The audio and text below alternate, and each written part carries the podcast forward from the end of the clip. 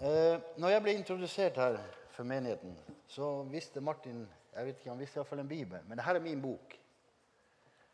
Og det er den som har eh, gitt meg det som jeg har i dag. For jeg vet hva denne boka kan gi oss. Det er helt ekstremt hva denne boka her kan gi oss. Så det er det jeg skal prøve å formidle til oss i kveld. Hva denne boka gjør. Hele denne boka, hvem handler den om? Jesus, ja. Hver bok inni her, hvert, hvert kapittel, handler om Jesus. Det er helt enormt.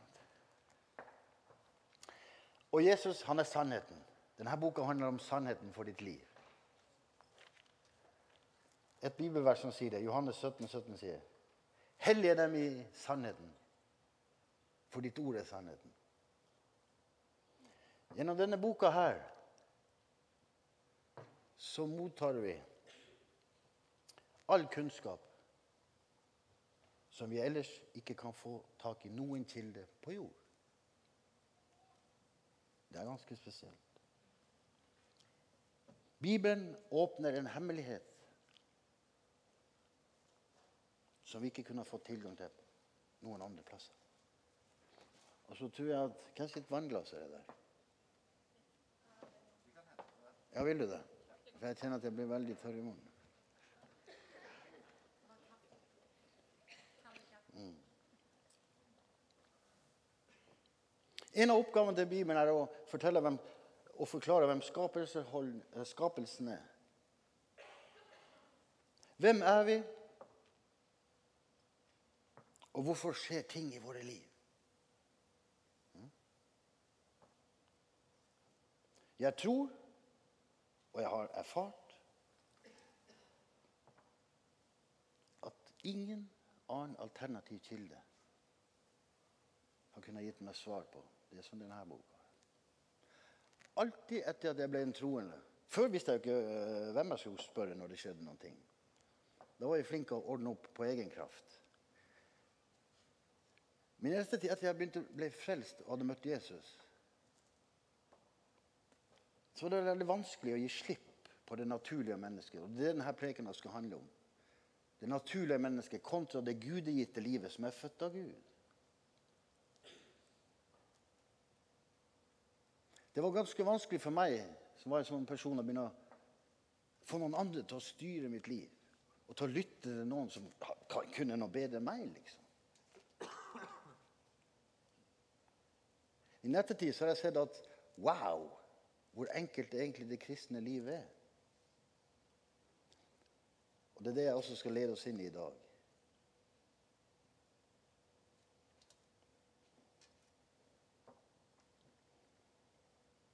Hver troende som har tatt imot Jesus Vet du hva som er fordelen med å ta imot Jesus? Da får du kontakt med to verdener. Visste du det? Mm? Mm -hmm. Og Det er også en av tingene som også kan bli problematisk for oss. For gjennom Den hellige ånd Takk skal du ha.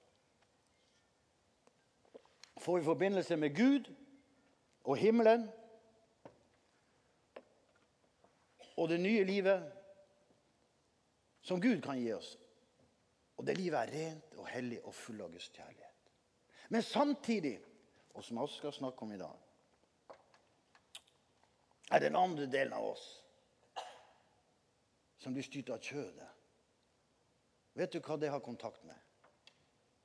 Denne verden og synd. Jeg skal også vise dere med et bibelvers senere i dag hvordan de to tingene står mot hverandre. Så hva velger vi å la oss styre av og tro på? Guds ord og Den hellige ånd eller naturens kropp. Vi skal få høre gjennom denne prekenen hva som kommer til å lønne seg. For jeg har gjort begge deler.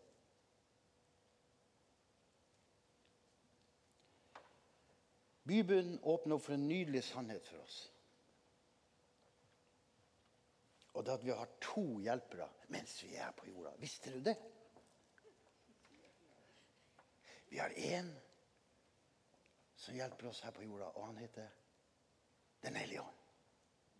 Og så har vi én talsmann i himmelen. Og det er Jesus selv. Han går i forbønn for oss. Tenk på det. Når du blir frelst, så får du to hjelpere her på jorda. Det er ikke mange kristne som er klar over at vi skal bruke dem. Altså, Jeg kommer til å lede oss inn i noe som er helt ekstremt i kveld. Og det har ingenting med at jeg er noe særlig flink, for jeg er ikke noe særlig flink kristen. Jeg er ganske uhøvla, sier kona mi. Men når jeg henter hjelp av de to største universets advokater Parakletos betyr det også på gresk.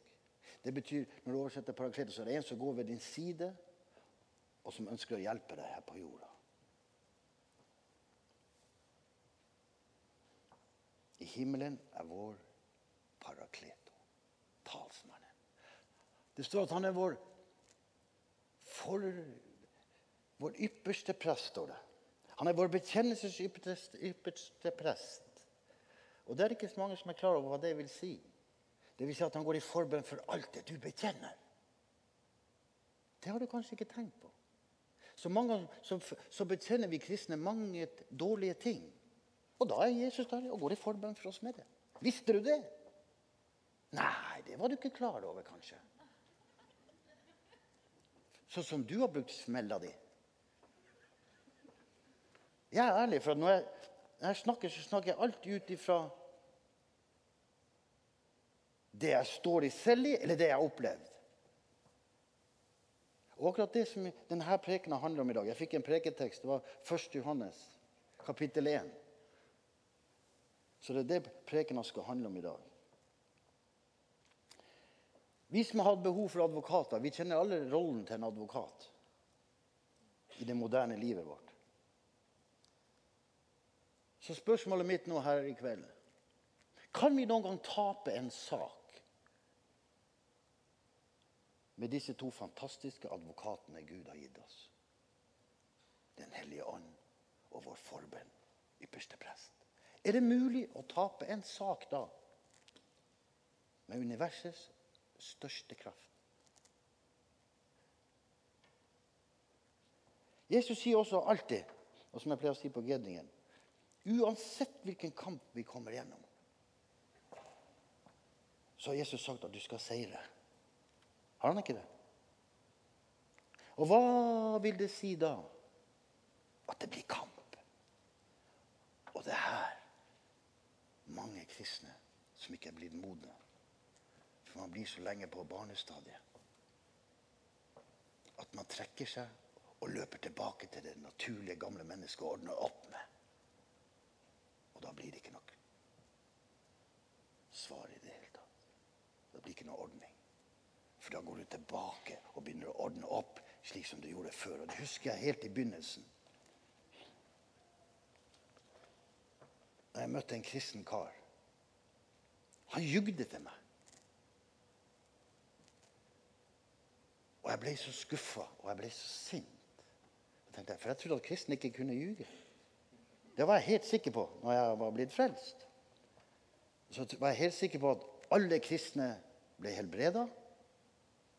For jeg trodde at det som Gud hadde gjort med meg det halve året etter at Jesus kom inn i mitt liv Jesus kom rett inn i treningsstudioet mitt. Jeg har sett Jesus. Fra den dagen ble jeg fullstendig forvandla. Og så tok Gud de første tingene bort i mitt liv. Det var lyge, stjele, og myrde. Og det var å leve i hor etterpå. De to tingene var ganske greit. Men så var det så mye, mye annet som Gud skulle restaurere, og som man bruker tid på. Og det er det vi alle trenger å få hjelp. Når ikke Parakletosen klarer å hjelpe oss, så sender Gud hjelpere i vår vei. Og det er mennesker. Derfor står det i Galaterne 6,2.: Bær hverandres byrder, og på den måten oppfyll Kristi lov. Og det er det vi er veldig flinke til i denne menigheten her.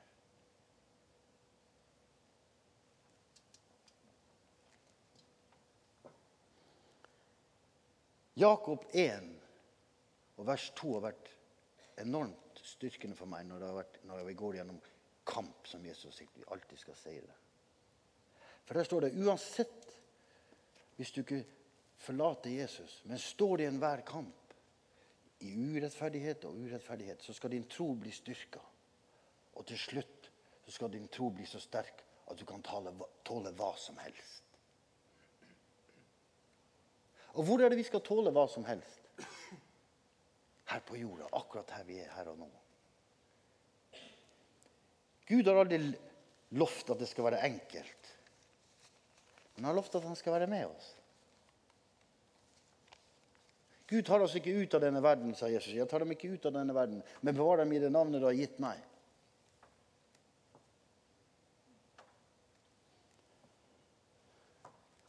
Så til dagens tekst. Første kapittel, kapittel 1. Det er første gang jeg får en tekst. For alltid når jeg reiser rundt, så har jeg frie temaer. Men her i huset har de gitt meg en tekst. Men det var litt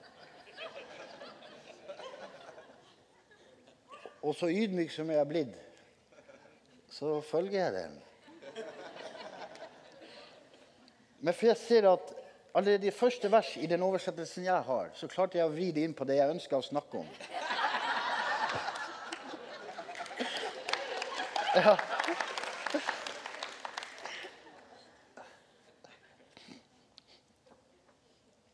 For jeg, skal, jeg leser fra denne. Denne heter 'Håndbok for livet'. Verdens beste oversettelse.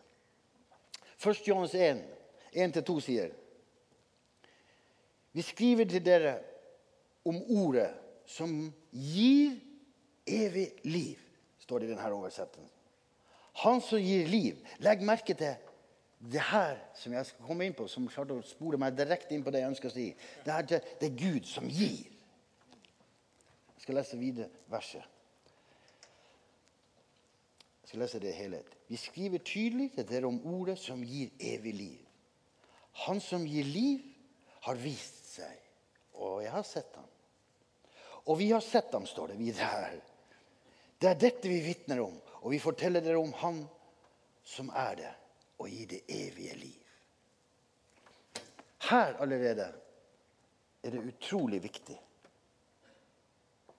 Hvor mange her er det som er religiøse? Ingen? Ok, da har dere kanskje hørt om, det, om religion før. Men det er her det enkleste er når jeg snakker med folk som ikke har tatt imot Jesus eller som ikke kjenner til Jesus. For de kjenner meget godt til statskirka. De kjenner meget godt til religion og alle de andre trelldommene.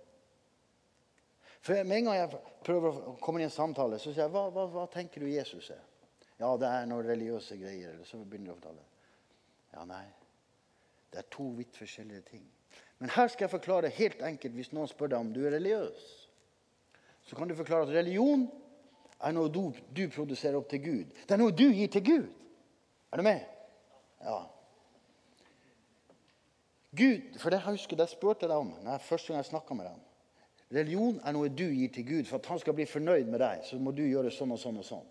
Og så må du kanskje forandre litt på det ytre og, det, og gjøre deg til. For at Gud skal liksom akseptere deg. Frelse er noe ned som Gud gir. Er du med? Det kommer ned. Religion går opp. Gud gir. Det er to vidt forskjellige ting. Og det Gud gir, det kommer inn i deg. Og det forandrer deg, og du kjenner at noe har skjedd med deg. Det er frelse. Så enkelt er det. Jeg har ikke begynt med noe eller slutta med noe. Jeg har kun tatt imot.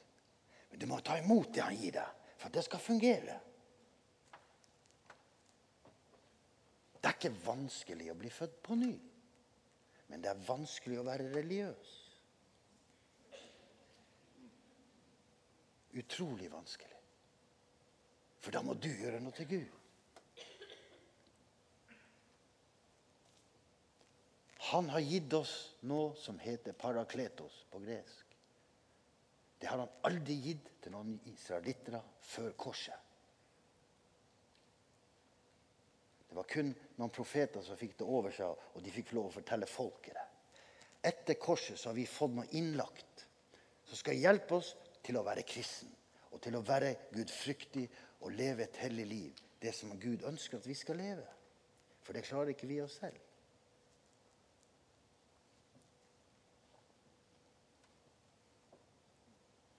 La meg bare holde meg til teksten. 1. Johannes 1,12. Det brevet ble sannsynligvis skrevet Vet dere når det ble skrevet, det brevet? Det ble skrevet mellom ca. 850 og 90. År, 8, nei, år 85 til 90, fra byen Efesos. Der var det Johannes skrev det brevet fra. Før han ble forvist til Patmos. Jeg har vært på Patmos. Jeg har vært og sett i den hula der han skrev åpenbaringen. Og det som har skjedd med den hula, det var at katolismen hadde overtatt alt. og De hengte masse krydder og ting og tang for å få komme inn, og måtte betale for å komme inn i hula. Men jeg gjorde det for at jeg ville se hvor han hadde levd på Patmos i tolv måneder uten mat og vann.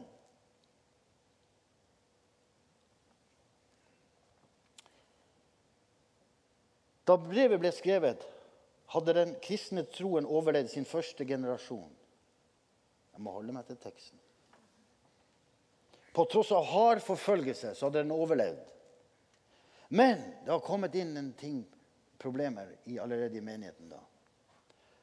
Den største faren for menigheten på denne tidspunktet var at mange hadde falt tilbake til en verdslig livsstil. Altså tilbake til det naturlige mennesket å leve på. Og de hadde tatt, begynt å ta tilbake masse rare jødiske lover og regler, bl.a. jødene som ble frelst. Det her er også det vi kristne gjør fortsatt i dag. Vi begynner hardt ut, og så begynner vi å gå med Jesus, og så begynner vi å bli lunken. Og så begynner vi å la det naturlige mennesket hele tiden styre oss. Og så har vi litt Gud på noen søndager. Jeg sier ikke dette gjelder for oss alle. Men jeg ønsker og denne prekena skal handle om det naturlige mennesket kontra det gudegitte livet. Eller det overnaturlige livet. For det er to vidt forskjellige ting. Det er to vidt forskjellige liv. Det naturlige mennesket er bare opptatt av det det ser og kjenner og sanser og smaker og ser på. Det naturlige mennesket stoler ikke på Gud. Gjør det det? Nei. Roman 8,7 sier det. Slik som vi oss selv, så stoler vi ikke på Gud. Vi er en fiende av Gud. Vårt menneskelige sinn kan ikke ha noe med Gud å gjøre. Det sier Bibelen. Alt det jeg snakker om, har jeg lært her. Jeg må dokumentere med alt det jeg sier, for jeg skal ikke lære dere inn i noen ny religion eller noen ny sekt. Jeg skal lære dere å få se hvorfor det er vanskelig når vi er kristne. Det som jeg snakker om i dag, har jeg begynt å komme igjennom på. For jeg har møtt mange problemer og bekymringer etter jeg ble frelst. Ja? Men jeg ser at det kommer iallfall ikke fra Gud, noe av de tingene der. Absolutt ikke. Når vi blir født på nytt, går vi over fra et naturlig liv og inn i et liv som er overnaturlig. Eller vi kan kalle det det gudegitte livet. Der Gud blir vår far når vi blir født på ny. For første gang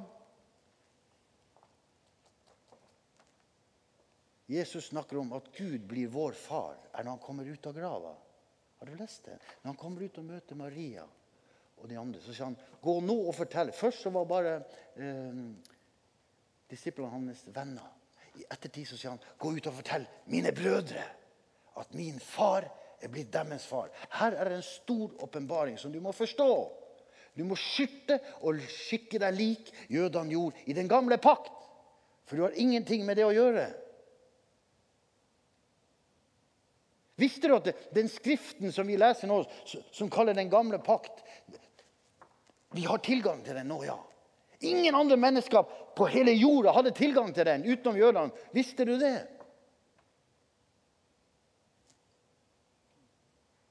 Ingen romere visste hva som sto i de skriftene, for det var Toraen som var rulla inn i synagogen.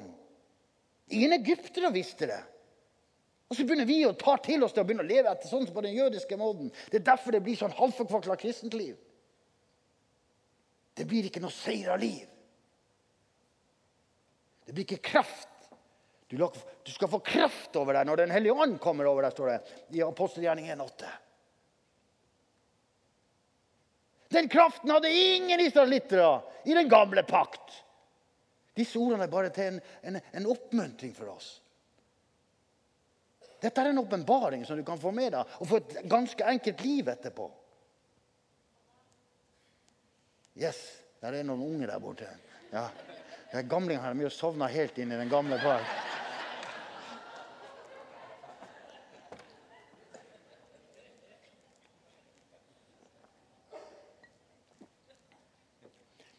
Når Gud blir vår far, som sa at nå må jeg hjelpe mine barn og Det er det denne preken skal handle om. Nå må jeg gi dem hjelp. De klarer jo ingenting. Når vi tar imot Jesus, så blir vi født på nytt. Og nå kommer det til den fantastiske verste som jeg ønsker å ha lest, og som jeg har lest for Elling og, og, og Martin. Det er 1. Peter 1,23. Og hør hva denne Bibelen her sier. Hør! Lytt nøye. og Han får ikke lov å ta det opp på skjermen engang. for de andre versene. For dere skal, dere skal lytte og høre til det verset her. Dere har blitt født på nytt, ikke ved en fysisk fødsel, men ved en overnaturlig fødsel. Og hør, der Gud sådde sitt evige liv og budskap inn i hjertet ditt. Alt med det nye livet har, har, har, med hjertet ditt å gjøre.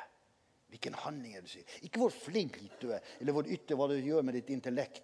og hva du sier. Gud ser til hjertet, står det. Du kan ikke skjule nåd fra Gud. Jeg har prøvd å gjøre det, og det blir bare krøll. Helt til jeg ydmyker meg og begynner åh, ja, jeg må gjøre det. Jeg har til og med prøvd å tvinge Gud. jeg. Det går ikke.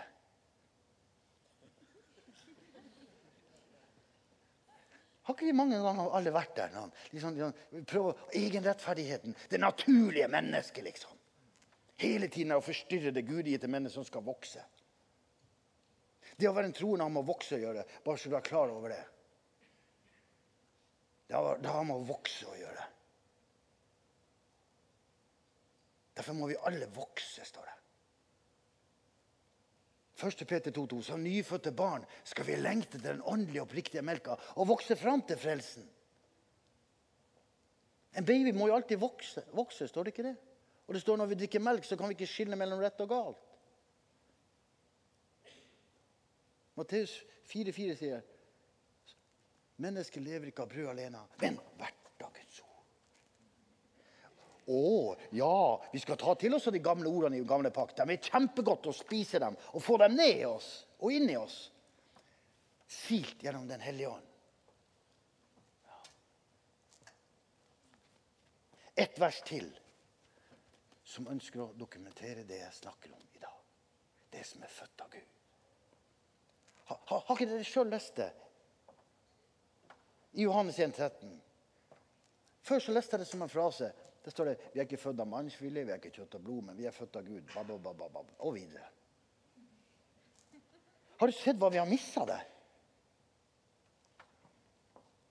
Vi er ikke lenger født av kjøtt og blod. Vi er født av Gud. Hør her. Johannes 1, 12 og 13. Men alle som tok imot ham, der allerede med en gang tok imot. Ikke ga sitt liv til Gud. Jeg har ikke gitt noe liv til Gud. jeg. Hva skulle han med den gamle drittsekken?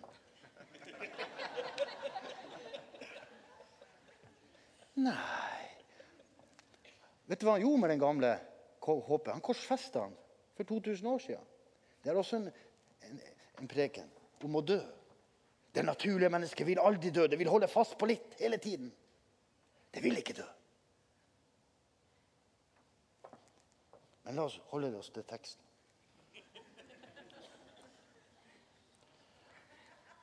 Alle som tok imot ham, ga han kraft til å bli Guds barn. Oversatt fra samisk. På norsk er det rett til å bli Guds barn. Jeg liker å holde meg til kraft, for jeg har fått kraft til å gjøre ting som jeg aldri ville ha klart i meg selv. Tenker jeg. Ja, Det er utrolig hvor mye sånn, lite sånn hjelp betyr. Det står, det står her i Bibelen vi skal kappes om å hedre hverandre. Vet du hvorfor Paulus forsto dette? her? Han visste at alt det du sår ut, kommer tilbake på deg selv. i mangfoldighet tilbake. Derfor skal vi med ydmyk sinn se de andre ydmyk sinn, se de andre høyere enn oss selv. Så alltid når jeg er ute og reiser, så håper jeg at oi, bare jeg får treffe ett menneske som kan bli mye mye, mye mer intelligent og, og større enn meg, så kan han høste inn utrolige masse mennesker. Sånn tenker jeg alltid, å finne det ene mennesket. Og her er jo en haug.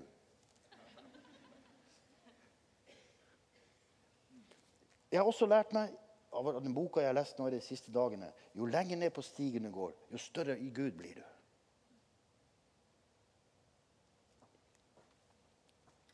La meg fortsette å lese. De, som, de blir født på nytt, men ikke gjennom noen fysisk fødsel som er resultat av menneskelig fødsel og handling. Og så står det nei i denne boka her. Nei, de blir født av Gud selv. Hvis du er født av Gud, som er her nå her i dag Hvis du er født av Gud, er du, er du klar over hvor stort det betyr? Kunne noen før korset bli født av Gud? Nei, slett ikke. Korset er vendepunktet på noe helt ekstremt. Der snudde Gud hele jorda opp ned. Og så gjorde han det mulig for at Gud skulle kunne bli din far. Og så når Gud blir din far, så har han skrevet en hel bok om alle løftene som, som, som far din har for deg. Og for, og for, å hjelpe deg fram, som vi skal komme til nå, så må, må du ha en hjelper for å få tak i hvilken løfte Gud har for deg. For det naturlige mennesket vil hele tiden prøve å holde seg selv intakt. Så du ikke skal få tak i løftene fra faren din. Og Jeg ser mange krymper øyenbrynene her nå. Det skjønner jeg godt.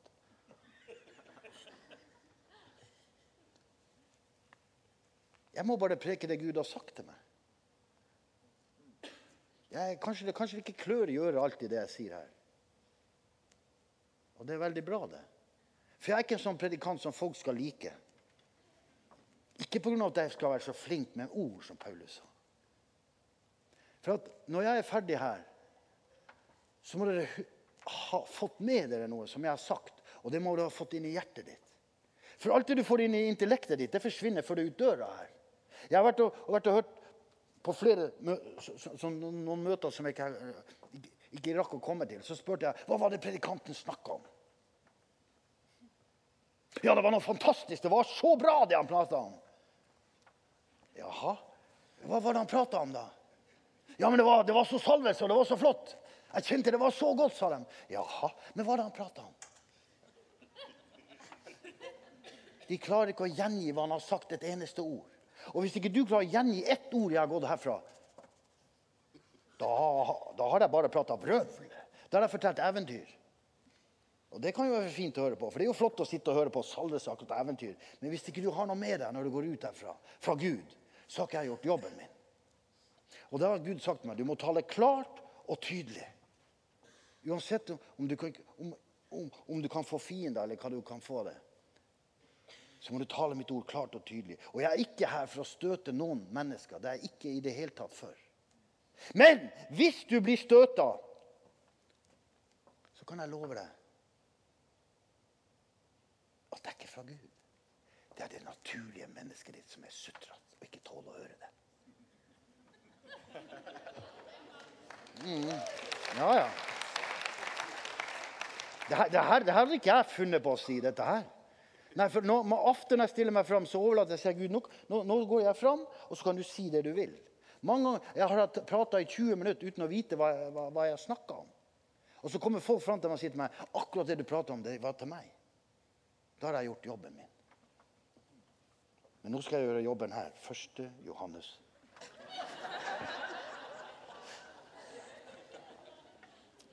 Så det her er det jeg har snakka om. Etter at vi har født på nytt og blitt nye mennesker, så står det at den som er i Kristus, er en ny skapning. Se, alt skal bli nytt. Og det der alt det hengte jeg meg tidlig opp i. For jeg så det var så mye som ikke var nytt. Er det noen som kan kjenne seg igjen her? En, ett ærlig menneske. Det er bra. Det er det der som jeg sliter med. Det naturlige mennesket. Hvorfor i alle dager følger det så mye med oss? For jeg setter spørsmålstegn ved når jeg ser hva Gud har sagt, og alt skal bli nytt. Og så tenkte jeg det, det gikk jo fort, og det gikk jo fort. Men så er det så mye igjen. Og hva gjør jeg med den driten? Kanskje vi kan få litt svar i dag.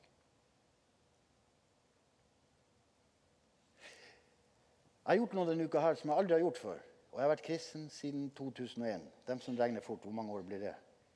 13. 13 ja. Denne uka her har jeg gjort Jeg har fasta.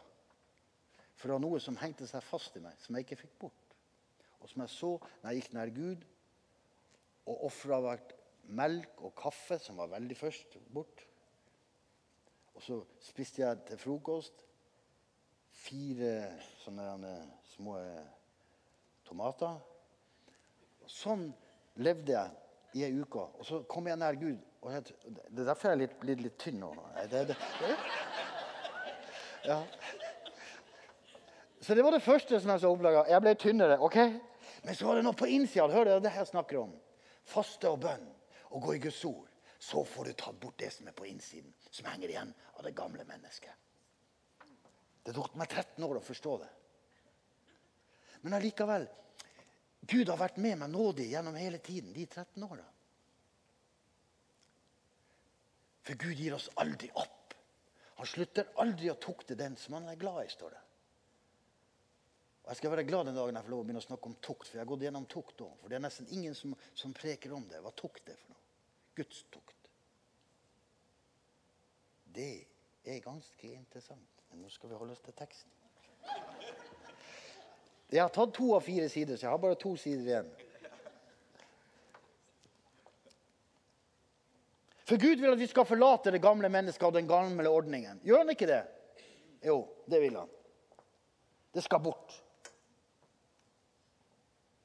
Og det her som jeg har sagt nå, Dette sier jeg for, at, for, for, å hjelpe oss til å se at problemene våre ligger i det naturlige eller det gamle mennesket.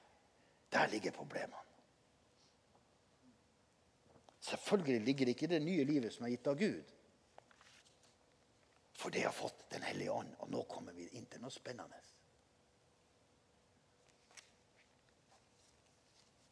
Mange har vært kristne, men ikke hatt Den hellige ånd. De har ikke fått forståelsen av Den hellige ånd. Og det skal vi ta et, en liten side nå, før vi går inn igjen og holder oss til teksten. For når vi den tar imot Jesus, så får vi innplanta Den hellige ånd. Inn i våre hjerter når vi blir født på ny. Og Da kommer også en ting som er helt ekstremt. Guds kjærlighet inn i våre hjerter. Derfor heter den boka 'Guds kjærlighet kontra håpets kjærlighet'. Eller Du kan sette ditt eget navn når du har kjøpt den boka. Da får du se virkelig hva Guds kjærlighet kan få deg til å gå igjennom. Det er ekstremt hvordan jeg har klart å snu det andre kinnet til i denne boka. her. Som er helt umulig for det naturlige mennesket å akseptere. For når jeg så hva Guds ord hadde gjort så langt i mitt liv, så tenkte jeg fungerer det på mine fiender også? For jeg hadde noen som ville ta livet av meg. Og så har Gud sagt gjennom Den hellige ånd at Jesus er blitt herre i mitt liv. Og min herre sier nå skal du gå og gi dem en klem og velsigne dem. Så skal min himmelske far Og her er det noen Er det noen som har hatt behov for at Gud legger glødende kull på andres hode? Hm? Jeg vet ikke hva det glødende kullet er, men det fungerer. Det har fungert så mange ganger. De som jeg hadde fra fiender fra mitt gamle liv, de eh, skjøt meg ikke når jeg gikk bort og ga dem en klam og ba om tilgivelse. Jeg har vært nødt til å prøve Guds ord helt til det, til det, til det, til det limit. Jeg kunne ikke gå til politiet og si jaha, nå er det noen som vil ta livet mitt. For det vet de jo. De har jo overvåka hele mitt liv. Men det du sår i, det høster du, sier de. Kanskje ikke du har noen fiender, men eh, et spørsmål til deg. Du behøver ikke å svare på det. Hva er mest naturlig for deg å gjøre hvis det har stått en mann der ute? Du har sittet der inne i to dager og gjemt deg. Og på andre sida står det en som skal ta livet av deg. Hva er det mest naturlig å gjøre? Å, å, å ringe til politiet eller stole på at Jesus har sagt 'velsign han' og gå ut og gi han en kappe, for han har jo frøys?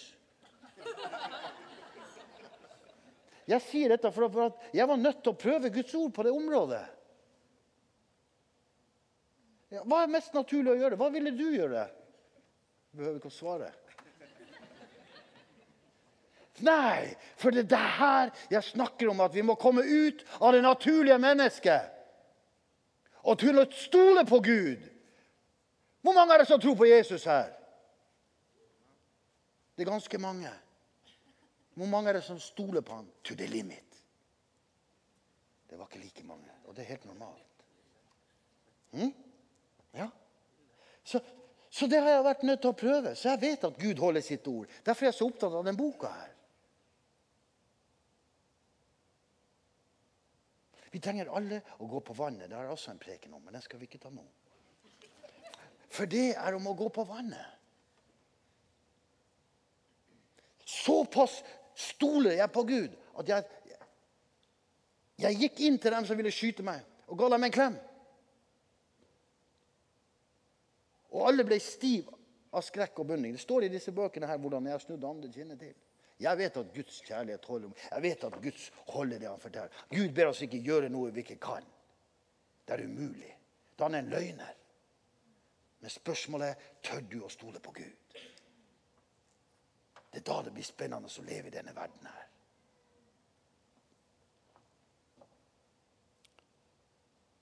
For Guds hensikt er at legemet til enhver troende skal være et sted der Gud bor selv. For Gud setter hjertet ditt. Han så at jeg ønska å be om oppriktig tilgivelse. Han så at jeg ønska å få bort mine fiender.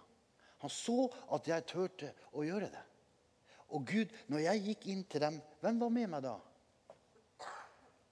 Jesus. For han bor jo i meg, gjør han ikke det? Og Det er derfor vi må begynne å akte på hverandre, alle sammen. For Jesus bor jo i hver og en av oss.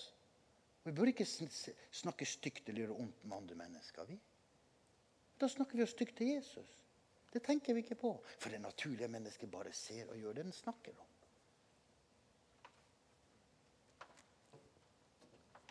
Et vers som sier hvor Gud bor, ved Den hellige ånd. Første Korinter, vers 6, 19 sier Eller vet du ikke, menneske, at deres legeme er tempel for Den hellige ånd? Som bor i dere, og som dere har fått av Gud. Der bor Den hellige ånd. Du er blitt tempel. Et hellig tempel. Kanskje du er så ny nå at du ikke forstår hva jeg sier, så ikke bry deg om det. Men bare ta til deg dette. her. For Guds ord vokser når det kommer inn i hjertet ditt. Hva betyr det for oss rent praktisk at Den hellige ånd kommer å være vår parakletos. Ordet parakleto kommer fra gresk og betyr en som er kalt inn til å gå ved din side og hjelpe deg her på jorda. Så da slipper du å styre alt det du ikke vet om alt sjøl. Det du ikke klarer i egen kraft. Det er det Den hellige ånd har kommet for å hjelpe oss med. Den hellige ånd er forfatteren til hele denne boka her. Forfatteren til denne boka her flytter inn i deg for å hjelpe deg å forstå den. Kanskje du ikke i dag har forfatteren inni deg. Så i dag vil jeg be fram alle sammen som ikke har forfatteren, til å komme fram. Som vil forbedre ham og andre. Og jeg kan være med og legge hendene på deg, så du får forfatteren innlagt hvis du har tatt imot Jesus.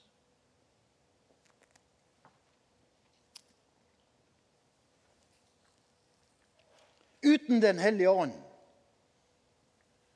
er det umulig å få dele livet Gud har gitt deg. Er du klar over det?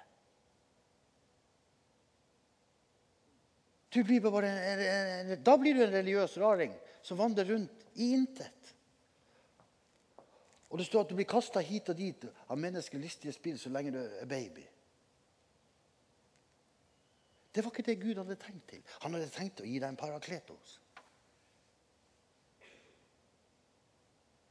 Og du skal få se når vi begynner å snakke mer om 1. Johannes 17. For vi kommer til å synde, gjør vi ikke det?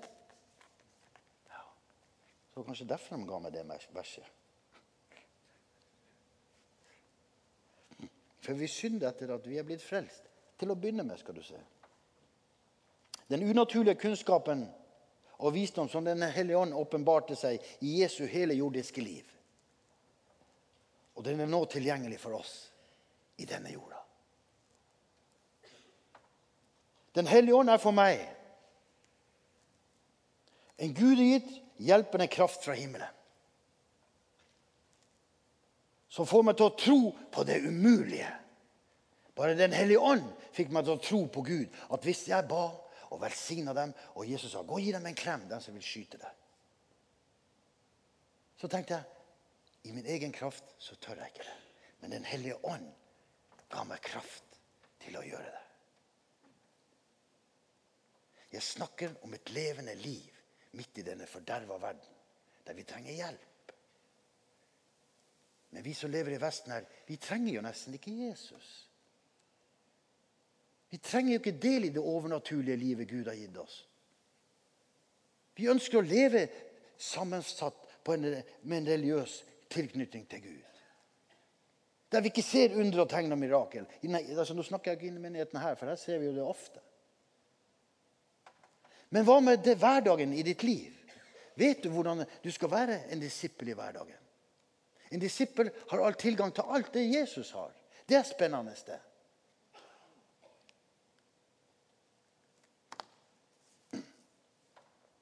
Den hellige ånd er den som lærer oss alt her nede på jorden. For hva vi enn vi trenger å vite om Guds ord. Og Den hellige ånd, så er den her for å hjelpe oss. Den hjelper oss til å gjøre ting som vi aldri tør i egen kraft.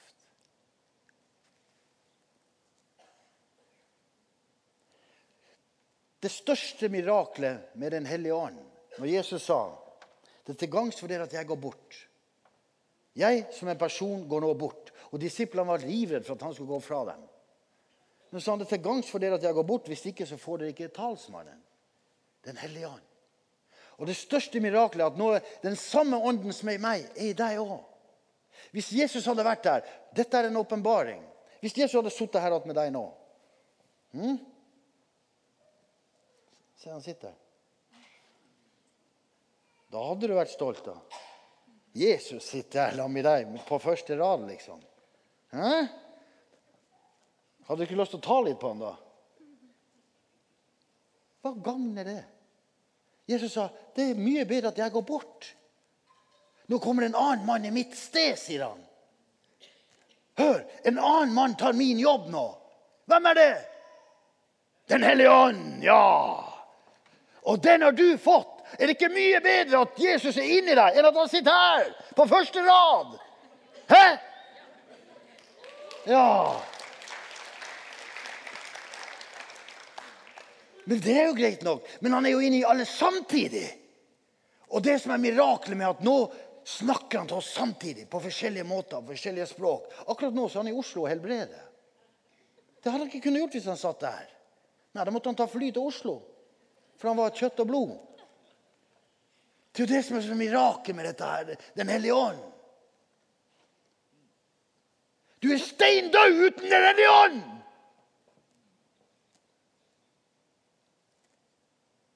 Du er det. Du er en hvitkalka grav. Skjønner du hvor viktig det er å få ta imot Parakletos?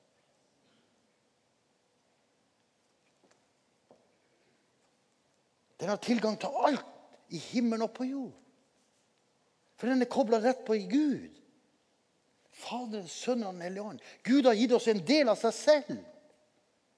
Og så sitter vi her noen raringer og syter. Nå snakker jeg først og fremst til meg sjøl. Jeg blir så sytete. Bare var noen som pirker litt i meg. Åh, jeg vil ikke ha det der gamle dritten. For Bibelen sier jeg skal ikke ha det. Så Det er derfor jeg er her i dag og snakker til oss. Du sitter der inne i skap. Hvorfor i alle dager er det så mye av det gamle mennesket med? Gud har jo sagt at alt skal bli nytt. Så i dag er vi her for å få vite hva Parakletos gjør for oss.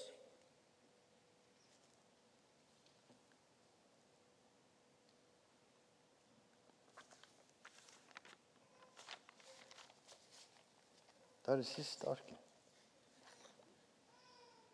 For det å bli født ovenfor er å få del i det livet som Jesus kom for å gi oss. Gi oss! Gud har gitt oss et evig liv. Gjennom Den hellige ånd. Og hva betyr det? Det er å bli få del i guddommelig natur når du tar imot Jesus. Har du guddommelig natur? Har du det? Sier hun. Har du tatt imot Jesus? Da skal du ha det. Ja, Det står i Bibelen. Altså, Jeg vet ikke hva du har, men det jeg ønsker å formidle, er hva du har her av dine løfter fra din far. I 2. Peter 1,4 står det vi har fått del i de største og mest dyrebare løfter som fins. Et spørsmål da. Fins det noen større løfter å få tak i? Nei.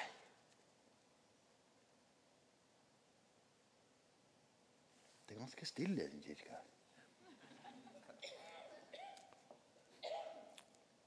Jeg ser at vi er forblinda av det naturlige sinnet. Hadde dere skjønt hva jeg har sagt nå, så ville dere ha jubla. Det liker du kanskje ikke å høre, at du har et for, forblinda sinn. For det har du så lenge du ikke skjønner hva jeg sier nå. Og det kommer at du kanskje er på barnestadiet, for det får man alle lov å være. Så skam deg ikke over det. Men jeg ønsker å tale oss ut av, av det barnestadiet som vi sitter i.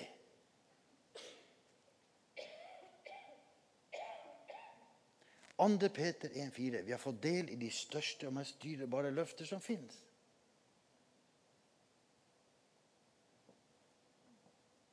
Fins det noe mer da? Fins det noe mer da? Kan dere ikke si nei? For det står jo her, det fins jo ikke noe.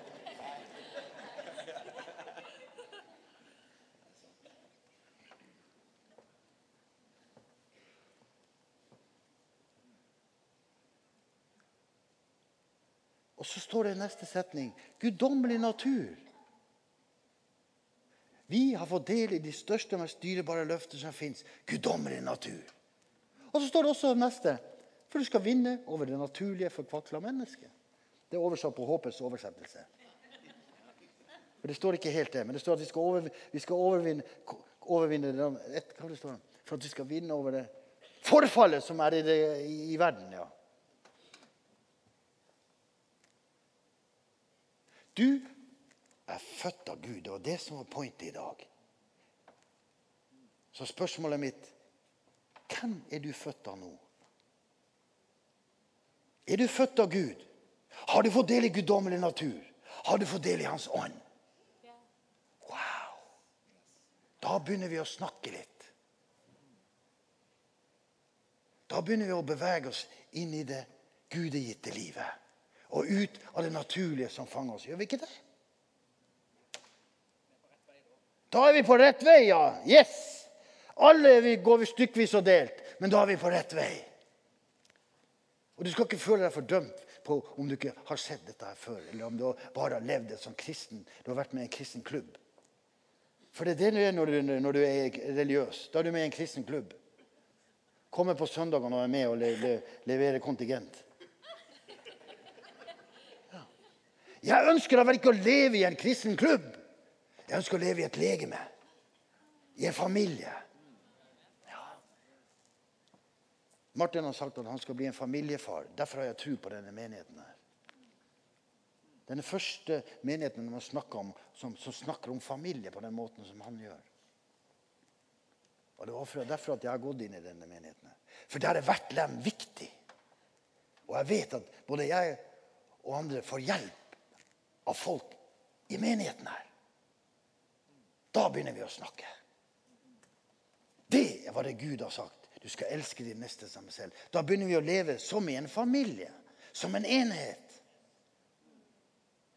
Er det noen som ikke trenger hjelp her? Rekk opp hånda den som ikke trenger hjelp med noen ting her på jorda. Hva? Er det ingen?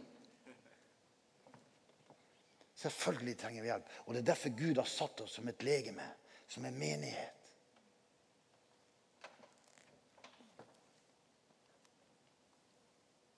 Det var derfor Jesus sa til Nikodemus du må bli født på ny. Du må bli født på ny. Ta imot det livet Gud har for deg. Da har vi fått hans natur. Og så tilbake til dagens tekst. Nå begynner vi også. Første kapittel, Første kapittel to snakker om, om synd. Nei, Første kapittel snakker om synd, og så snakker han om en ting til. Mørke og lys. Ja. Mørke og lys. Så nå må vi holde oss til teksten, for nå går vi inn der og avslutter. Det gamle menneskets natur Hør.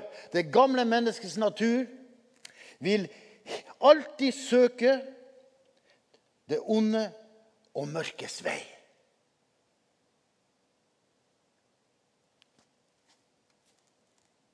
Det nye mennesket vil søke ånden og det rene livet som er Jesus. Hans liv som var uten synd og full av Guds kjærlighet.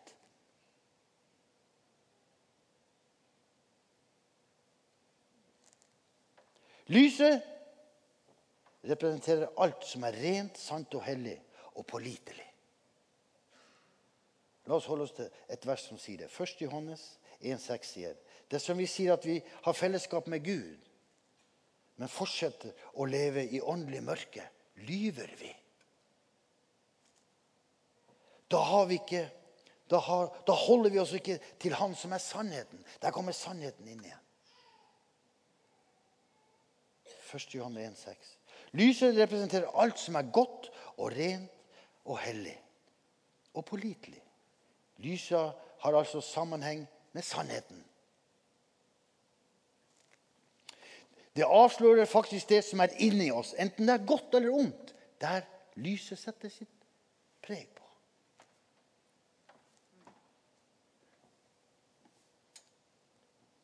Totalt mørke er fraværende fra enhver lyskilde. Har vi ikke sett totalt mørke mennesker? Jeg har gjort det. Det fins ikke lys i dem. Det er derfor Jesus er lys. Så la oss bringe lys der det er mørke. Det er vi kalt til. Og da må det først lyse inn i deg. Og det er det parakletosene skal. For Den hellige ånd renser oss for seg selv, står det. Der er vi tilbake igjen Den hellige ånd. Tenk å få en hjelper som setter lys på alt det mørke inni deg.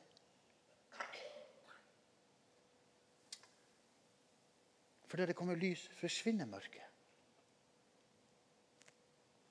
Dette har, har jeg sett denne uka her jeg har vært alene med Guds ord. Og Gud og satt fokus og la lyset skinne inn. Og han har belyst meg på mange mørke områder. Som jeg da har fått lov å vende om fra og gi til Gud.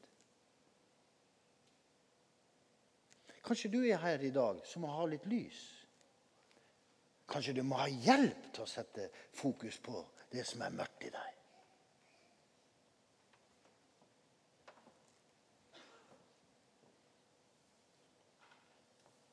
For når vi blir frelst får vi Guds ånd og hans kjærlighet. Men så husker du jeg lovte dere at jeg skulle fortelle dere ut ifra Bibelen hvem to som slåss om våre nye liv. Det er to som slåss om våre nye liv. Og Da kan vi gå til Galaterne 5, 16 og 17. Og her står det Jeg oppfordrer dere til å la Guds ånd lede dere. Men hvordan kan du la Guds ånd lede deg hvis du ikke har den Guds ånd? Går det an til? Nei. Så det du gjør da, du gjør så godt du kan med ditt intellekt. Og så håper du på Guds nåde. Men sånn kan du da ikke fortsette å leve. Du vokser ikke av det.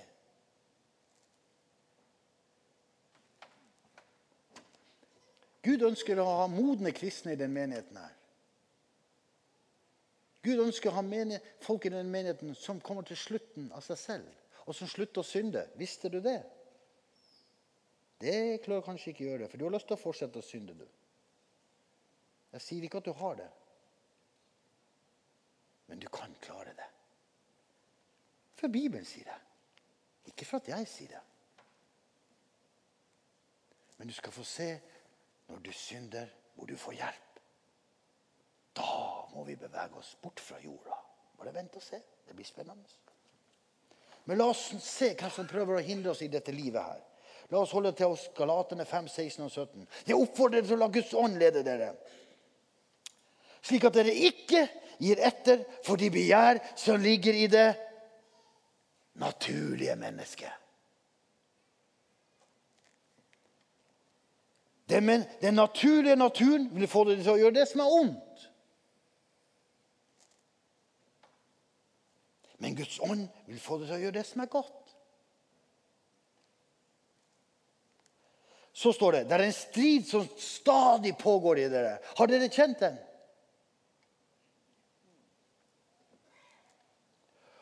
Og som holder dere nei, og som hindrer dere å gjøre det som dere vil. Men dersom Guds ånd får lede dere, er dere ikke lenger slaver under syndens lov, som finnes i deres gamle natur. Der var den gamle mennesket igjen. Som det står i, 2. Korinter 5, 17, som ikke skal være der. For alt skal jo bli nytt. Og det gamle skal forgagne og gå bort, står det. Jeg er her for å hjelpe oss med å ha et enkelt liv uten synd og plager. Og hva syndens lønn er, det vet vi. Gud gjør ikke forskjell på folk, han. Gjør han det? Nei. Men han ønsker at vi skal bli modne kristne. Som har hele Guds fylde, står det. Og inntil vi har hele Guds fylde Tror du at du synder når du har hele Guds fylde, står det? Nei. Vet du hvorfor? For da er du completely lik Jesus. Denne boka heter 'Klona med Gud'. Denne boka er skrevet for mange mange år siden. I, I, lag på lag på lag. Se hvor tjukk den er. Og så begynte jeg å lese på side, jeg tror jeg kommer til side 50 og 60 sjøl i denne boka. her. Så sier jeg oi, jeg er jo ikke der sjøl. Hvordan kan jeg skrive det da? Så var det en kamerat som sa den boka har ikke du skrevet. Det er helt riktig, det. Det er Den hellige ånd som ville ha det fram i meg. For han så at jeg var så svak. Men jeg var ikke kommet lenger.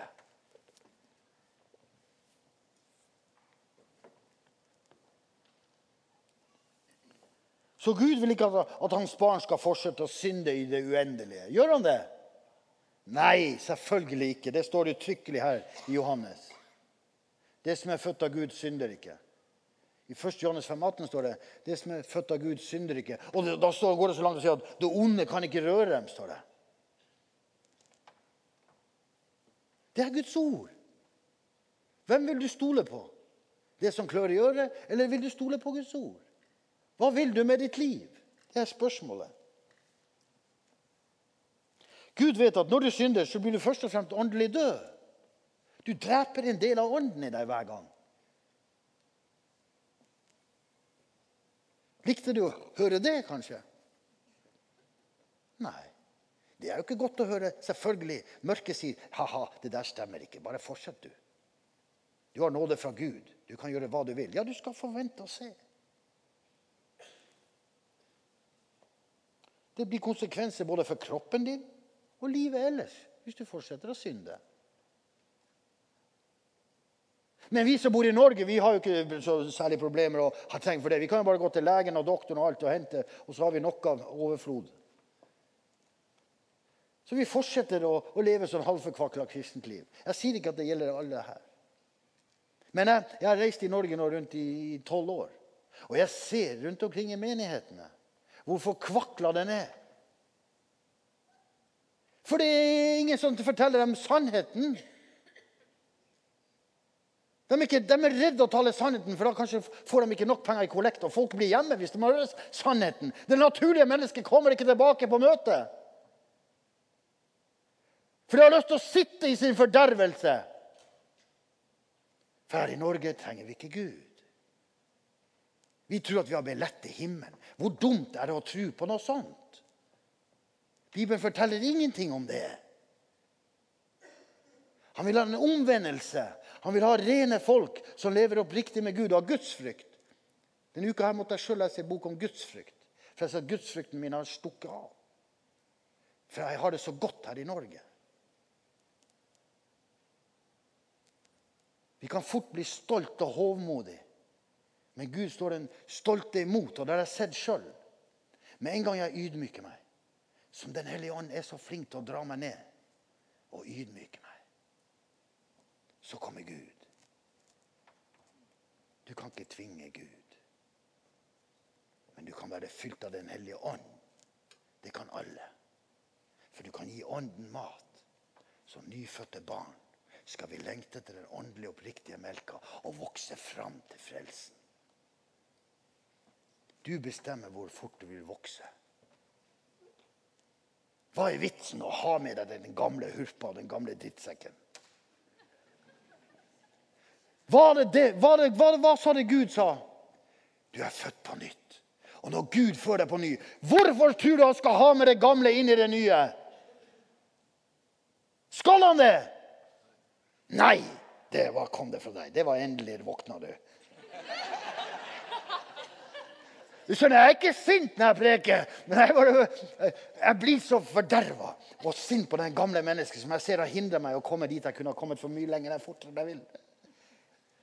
Og Det satt noen gamlinger her og lo òg, for de må sitte der. Så la oss gå inn i noen avslutninger her nå. Så nå kommer vi til det som er så viktig, og som vi avslutter med også med møtet med. Vi må bekjenne våre synder. Og ikke holde fast på dem og tro at det er nåde og synde for alt. For sier Paulus nei, det er slett ikke det. Og så nå må vi holde oss til teksten. 1. Johannes 1, 8 og 9. Dersom vi sier at vi er uten synd, lurer vi oss bare oss selv.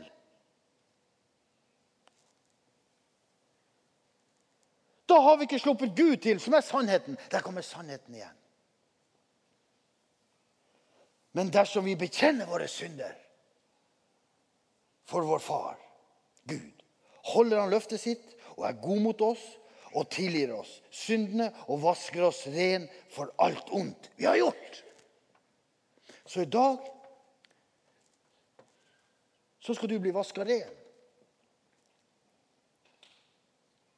Du kan be om tilgivelse før du går ut her. Og Det eneste som er problemet da, at det blir masse dritt her inne. Men det får de gjøre, de som støvsuger opp etterpå.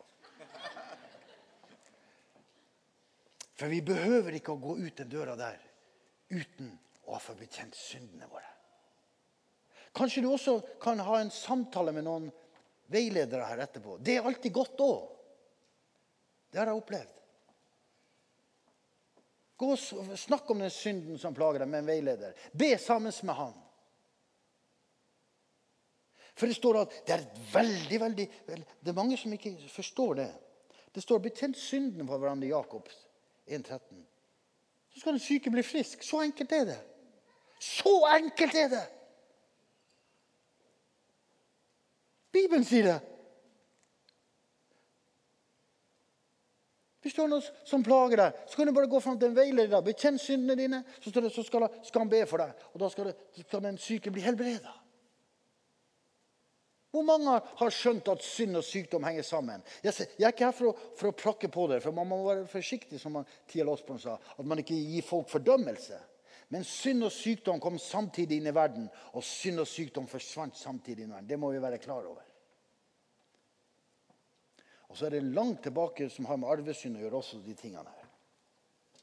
Så det skal vi gjøre sammen i dag. Først tar vi det sammen i en bønn også. Og så kan du gå, komme fram her etterpå hvis du vil. Snakke med en veileder. Be sammen med ham. Ta ikke med deg syndene ut her. Ta imot den nye nåden. Det er det som er så fantastisk å bli et Guds barn. Gud ønsker å dusje deg. Han ønsker å vaske deg ren ved Jesu blod. For hør hva det står her.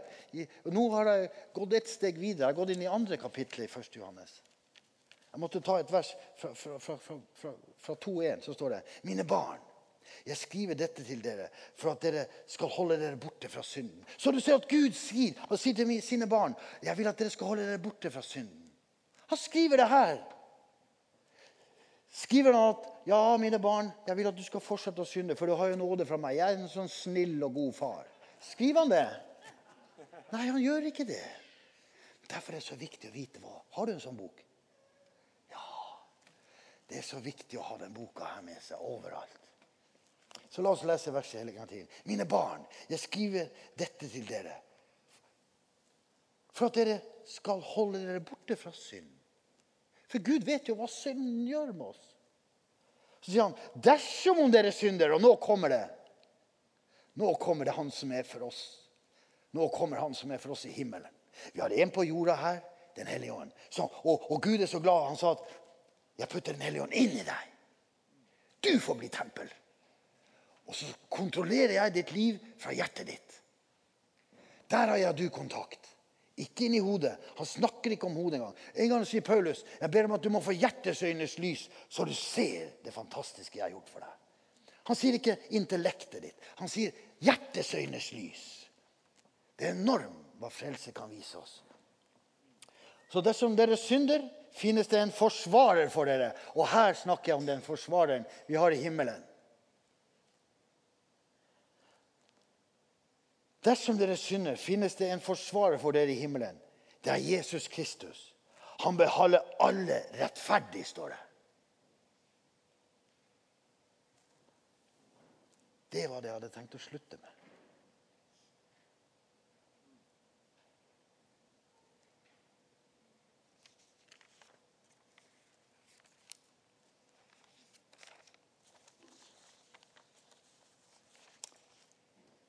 Før vi gjør det, så skal jeg bare gi en praktisk opplysning. Hvis du kjøper disse to bøkene her I dag får du dem for 350 kroner. Da får du med det heftet her, som egentlig koster 100. Og så er det dødens epidemi, som du vet hvordan, hvordan jeg brenner for å, å forhindre narkotika spre seg i samfunnet. Den største gifta som Satan bruker i dag for å ødelegge skapelsesverket til Gud, er narkotika. Hvis du kjøper fire sånne hefter, så får du det for 100 kroner. Dette her er det verdt å spre ut. Jeg vet at det er en i menigheten her som har vært med å støtte meg med mange sånne hefter som er delt ut. Men det her er det Satan bruker i dag. Derfor heter det dødens epidemi og djevelskapen i samfunnet. Og Har du ikke penger med deg, så er det bankterminal der ute og alt.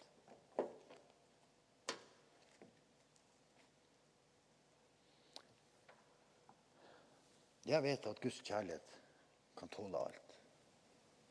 Den utholder alt og prøver alt.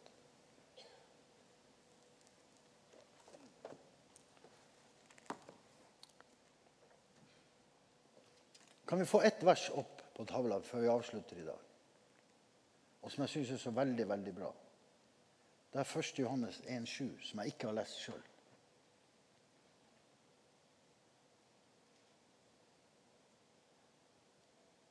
Det der verset vil jeg at dere skal ta med dere.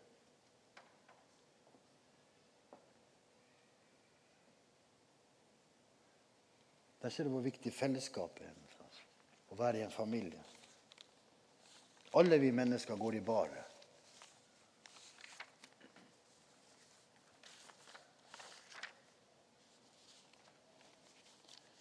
Ja, mye av det gamle mennesket forsvinner med en gang. Men så er det så, så, så mye som vi bærer med oss. Fra barndommen. Det kan være ting som, som ligger langt tilbake som er vanskelig å bli kvitt. Og det tar tid å bli en helt nyskapning. Det vet djevelen nøyaktig om. Han vet nøyaktig om hva alt som har hendt med deg. Men det er én ting han ikke vet. Vet du hva det er? Framtida, ja. Riktig. Du har lært det, Kurt. Kurt har vært med meg litt rundt her. Han, har hørt. han er disippel nummer én på Geddingen, han har kommet utrolig langt. For han har vært interessert i å finne ut hva denne boka her gir. Og han har, opplevd det samme som meg antagelig på kroppen. At det har hjulpet veldig bra å følge denne boka her. Det er derfor, vi, men det er, derfor er det så viktig å være med i en familie der det står at vi kan bære hverandres byrder og på den måten oppfylle Kristi lov.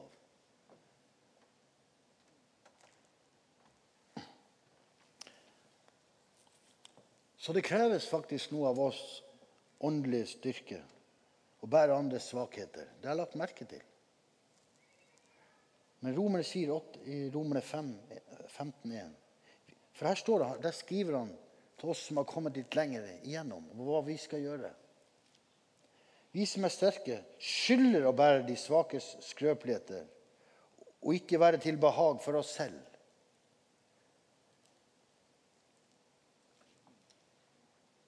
Det er også en av mottoene som jeg ønsker at vi skal ha på Gedringen.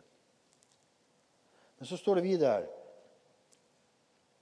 Vi må passe oss å gjøre det så vi ikke faller i samme synd selv også. Når vi gjør det.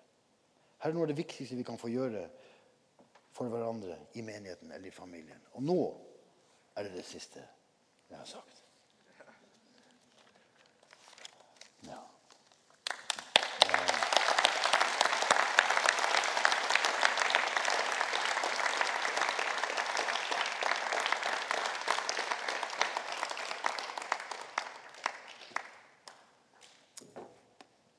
Vil du overta og så Følg oppfordringen til å komme fram.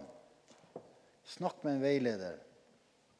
Vi er for å bære hverandres byrder. Ikke ta dem med deg hjem. Ja.